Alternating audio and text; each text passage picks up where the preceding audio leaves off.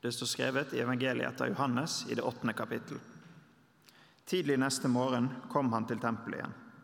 Hele folkemengden samlet seg om han, og han satte seg og begynte å undervise dem. Da kom de skriftlærde og fariseerne med en kvinne som var grepet i ekteskapsbrudd. De henne frem, førte henne frem og sa, 'Mester, denne kvinnen er grepet på fersk gjerning i ekteskapsbrudd. Hva sier du?' Dette sa de for å sette ham på prøve, så de kunne få noe å anklage ham for. Jesus bøyde seg ned og skrev på jorden med fingeren. Men da de fortsatte å spørre, rettet han seg opp og sa:" Den av dere som er uten synd, kan kaste den første stenen på henne. Så bøyde han seg ned og skrev igjen på jorden. Da de hørte dette, gikk de bort, én etter én, de eldste først. Til slutt var Jesus alene igjen med kvinnen, og hun sto foran ham. Da rettet han seg opp og spurte, 'Kvinne, hvor er De? Har ingen fordømt deg?' Hun svarte, 'Nei, Herre, ingen.' Da sa Jesus, 'Heller ikke jeg fordømmer deg. Gå bort og synd ikke mere.' Slik lyder det hellige evangeliet. En gang da jeg var liten, så gjorde jeg noe som er noe av det som er det jeg kanskje har skammet meg aller mest for i hele mitt liv. Jeg kastet stein på en som var mindre enn meg. Det var et uhell, men det hjalp ikke. Jeg var like skamfull. For noe av det første vi lærer når vi er små, sant? det er det er forbudt å kaste stein. Det lærer du med en gang du begynner i barnehagen. Alle barn vet det. Vi kaster ikke stein. Hvem er det som bestemmer hva du syns er rett og galt?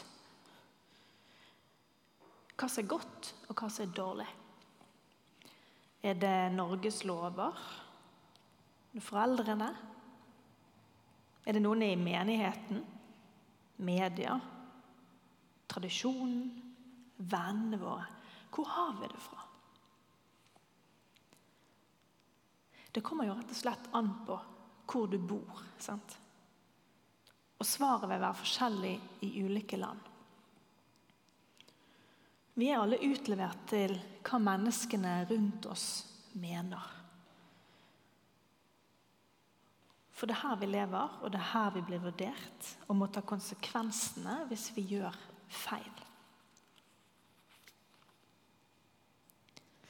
Vi hørte en fortelling om Jesus fra Johannes evangeliet. Og Jeg har alltid syntes at det der var en veldig fin tekst.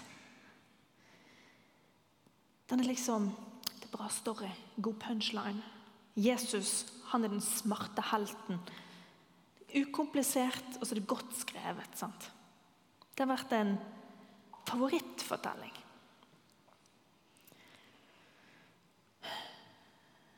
Så har jeg levd litt lenger.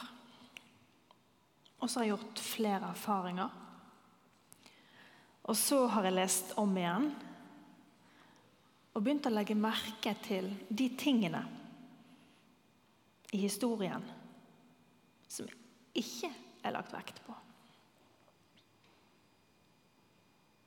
Det går an å se for seg denne tempelplassen. sant? Masse folk. Jesus sitter der, alle folkene rundt han. Og så kommer denne gjengen slepende med denne kvinnen. Og så hører vi de, hva de sier. Skal ikke hun steines? Og så skjønner vi hva for en forferdelig, farlig situasjon hun befinner seg i. Og så er det plutselig ikke en ukomplisert og fin, liten historie lenger. Men en situasjonsbeskrivelse som i hvert fall gir meg høyere puls.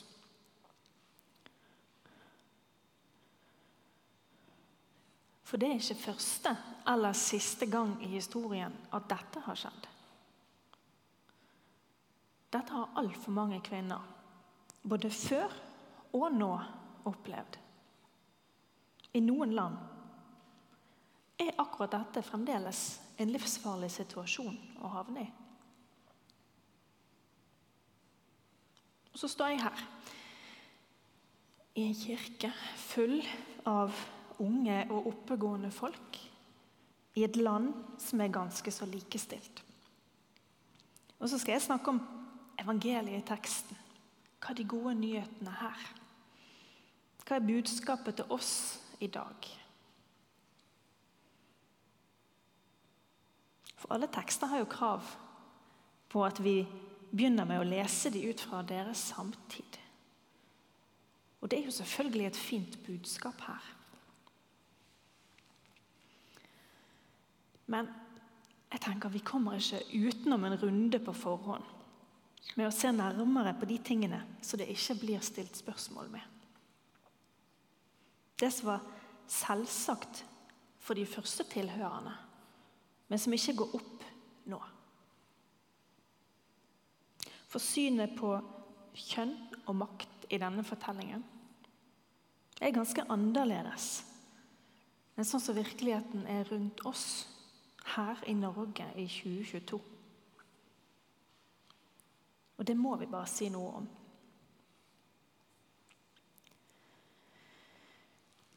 I denne fortellingen for 2000 år siden så er det menn som har makten. De har både makten til å definere hva som er rett, og hva som er galt.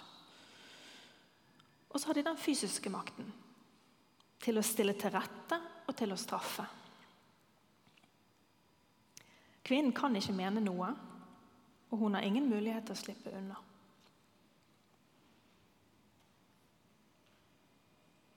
Og Hvorfor var samfunnet deres organisert på denne måten? Hvorfor tenkte de sånn som de gjorde? Og synet de hadde på ekteskap, det var egentlig ganske praktisk begrunnet. All økonomi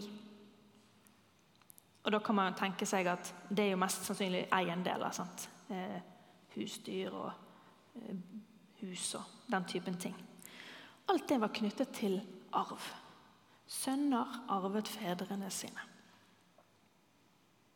Og for at det skulle bli riktig, Slekt var veldig viktig. For at det skulle bli riktig, så måtte du vite hvem som var faren til barna.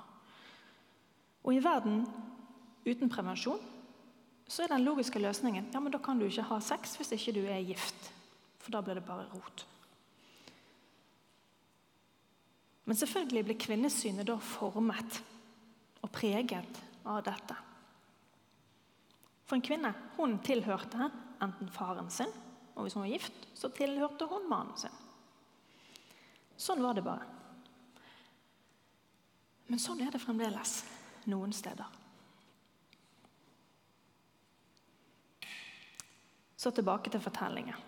Vi kan jo spørre oss I denne fortellingen her, der kvinnen var grepet i å bryte ekteskapet Hvor ble det av han mannen? Han er ikke her. Og det er litt rart, fordi at de sier at Loven sier at kvinnen skal straffes. Ja, men loven sa at mannen og kvinnen skulle straffes. Så hvor han har tatt veien hen, det vet vi ikke. Det var altså bare kvinnen de hadde med seg. Og hvem er hun? Hva har hun gjort? Og har det i det hele tatt vært frivillig? Eller har hun blitt utsatt for noe? Det vet vi ikke. Men vi vet nok om disse tingene til å ha lyst til å stille spørsmål, i hvert fall.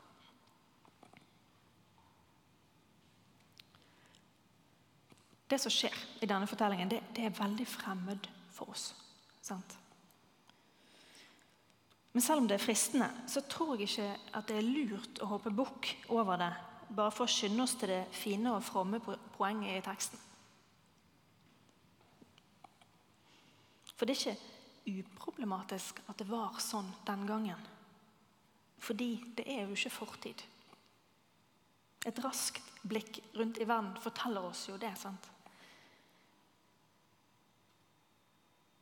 Det finnes ganske mange land i verden som har ulike regler for kvinner og menn. Der vold i nære relasjoner ikke er forbudt. Der kvinner kan bli straffet hvis de blir voldtatt. Land som regulerer kvinner sine liv i alt fra påkledning, seksualitet, prevensjon, abort, muligheter og rettigheter.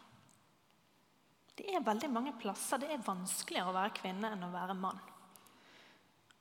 Så selv om vår tekst er gammel, så er ikke dette fortid.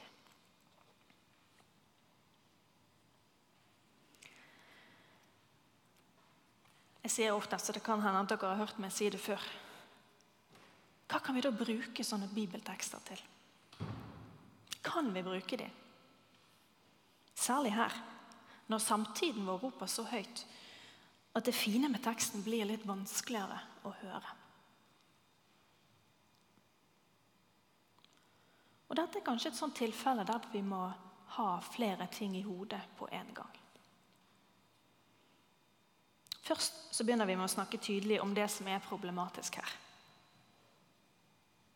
Så er det jo sånn at Hele Bibelen er jo faktisk skrevet ned av bare menn. Fordi det var et patriarkalsk samfunn. Sånn var det. De tok selvfølgelig ikke høyde for at man i framtiden skulle slutte å se på kvinner som mannen sin eiendom. Det kunne ikke de vite. Sånn er Bibelen vår. Den er blitt til på et sted og i en tid. Med delvis motstridende verdier og ideer fra det vi har. Det vet vi. Og jeg tenker men det er bra å ha i bakhodet når vi leser. sant? Ta litt sånn høyde for det. Men det betyr ikke at det ikke samtidig finnes uendelig med viktige og fantastiske og gode ting her òg. For det gjør det jo. Og Derfor kan vi òg utforske hva som er tanken med denne historien. Hva var det de ville si, de som videreformidlet denne fortellingen? Hvorfor syns de det var viktig? Det er ofte der det aller fineste i teksten finnes. Akkurat her i Johannes evangeliet så er han som skriver, i ferd med å vise frem alle de ulike tegnene Jesus gjorde. For å vise hvem han var. At han ikke bare var et menneske, men at han òg var Gud. Og så vil han vise oss hvordan Gud faktisk er. Så vi er på tempelplassen midt i Jerusalem. Jesus har fått et kinkig spørsmål. Og Poenget Johannes vil ha frem, det er jo at de som var skeptiske til Jesus, de ville sette han fast. Og nå hadde de fått en mulighet. Har han tenkt å være fordømmende? Eller han tenkt å si det er greit å bryte loven? Uansett så hadde de han liksom. De hadde knepet han i noe som ikke var bra. Men Jesus han bare ignorerer dem. Sitter og tegner i sanden. Sant? Og jeg tenker, Hadde det vært nå, så hadde han dratt opp mobilen og så hadde han scrollet. Men så gir de seg ikke, sant? De maser. Og så bare snur han problemet og retter søkelyset mot anklagerne. Og så sier han ja, den som er uten synd, kan jo kaste først. Og de forsto det, alle sammen. sant? De eldste skjønte det først. For de hadde levd en stund og hadde erfart livet, og så hadde de selvinnsikt. Og når de måtte speile seg i den andre, så hadde de egentlig ikke noe å skryte av, de heller og ingen grunn til å fordømme. Johannes, som viser oss hvem Gud er, viser oss en Gud som er på de svakes side. Og når jeg hører de ordene, så skulle jeg ønske at folk hadde like mye selvinnsikt fremdeles. For vi mennesker vi har en sånn lei tendens til å synes at det andre gjør feil, det er mye verre enn det vi sjøl gjør feil. Da kan vi bare se under et hvilket som helst kommentarfelt om et kontroversielt tema.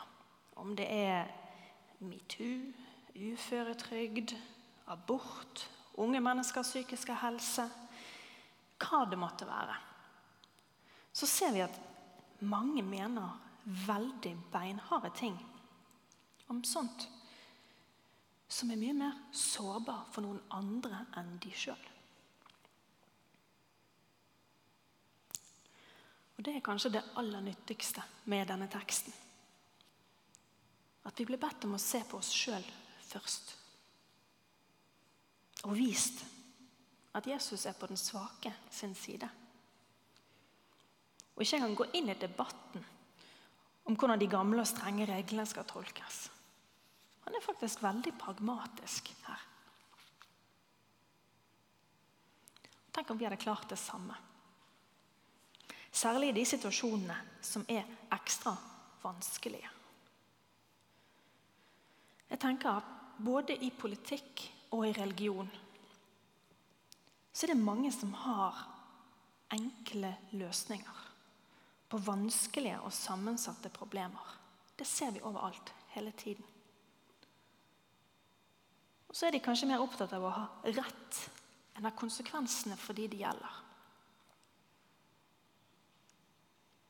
Men vi kan jo ikke ha det sånn at bare de som liksom, har mest makt og er tryggest og sterkest, skal få lov å fortelle alle de andre hva som er et godt samfunn, eller hva som er god kristen tenkning. Eller at de skal definere hva slags sort overtramp som er verst. Det er veldig ofte det de andre gjør, ikke det man gjør sjøl.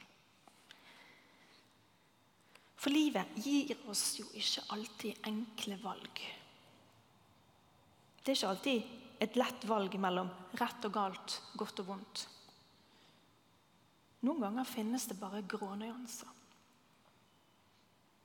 Eller et valg mellom mange mindre bra utfall. Hva da?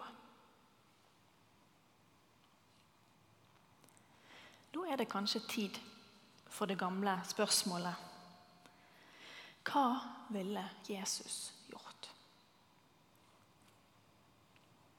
For Jesus sitt eksempel det er å ta den svakestes parti. og beskytte. Og be folk ta en ekstra kikk på seg sjøl. Vise at vi faktisk er like verdige, alle sammen. Og Jeg tror at det er derfor denne fortellingen er her. Fordi dette er noe mennesker har trengt å høre til alle tider. Og fremdeles trenger å høre. Jeg spurte litt tidligere kan en tekst som krever så mye kulturell oversettelse, fremdeles være brukbar og fin? Vi må snakke tydelig og sant om den. Og så må vi forsøke å romme at noe er både utfordrende og bra samtidig. Og så se hva som er budskapet.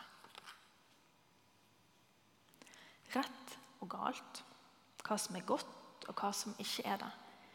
Det er ikke alltid enkelt. Men hva vi tenker og sier om det, det betyr masse for de rundt oss.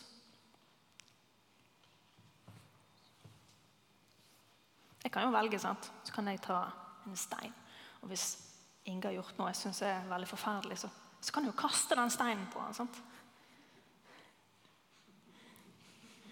så kan jeg kaste stein på alle jeg syns gjør noe galt. Altså, bare i overført betydning. Vi kaster jo ikke stein, sant? Men uh, ja. Jeg tror mange av oss driver og verbalt kaster stein på folk vi er uenige med. Eller på oss sjøl. Vi er veldig, veldig selvkritiske hver gang vi gjør noe galt. Alt jeg gjør galt, og alt jeg ikke får til. Det kan vi velge. Eller så kan jeg ta alle steinene mine, og så kan jeg velge å legge dem fra meg.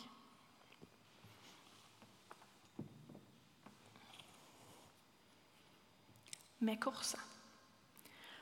Og så kan jeg vite at jeg òg er tilgitt og oppreist. du òg er tilgitt og oppreist. Som Jesus sine etterfølgere, for det er jo det vi tenker at vi er, så kan vi være sammen om å gjøre det tryggere å være menneske. Både inni oss og rundt oss. Vi kan stå sammen med og stå opp for alle som er utsatte, og alle som er sårbare. For Gud reiser folk opp. Tilgir når det trengs å tilgis. Og stiller oss på like fot. Det er gjort og sagt uendelig mye galt i kristendommen og i Guds navn opp gjennom historien. Det vet vi. Og Da er det lett å glemme at vi har også en veldig lang historie med å tenke likeverd. I et samfunn der alle tenkte at ulike typer mennesker hadde ulik verdi Barn, kvinner, slaver, frie, jøder og hedninger. I dette samfunnet skrev altså Paulus med kristendommens begynnelse. Her er ikke jøde eller greker. Her er ikke slave eller fri. Her er ikke mann og kvinne. Dere er alle én i Kristus Jesus. Det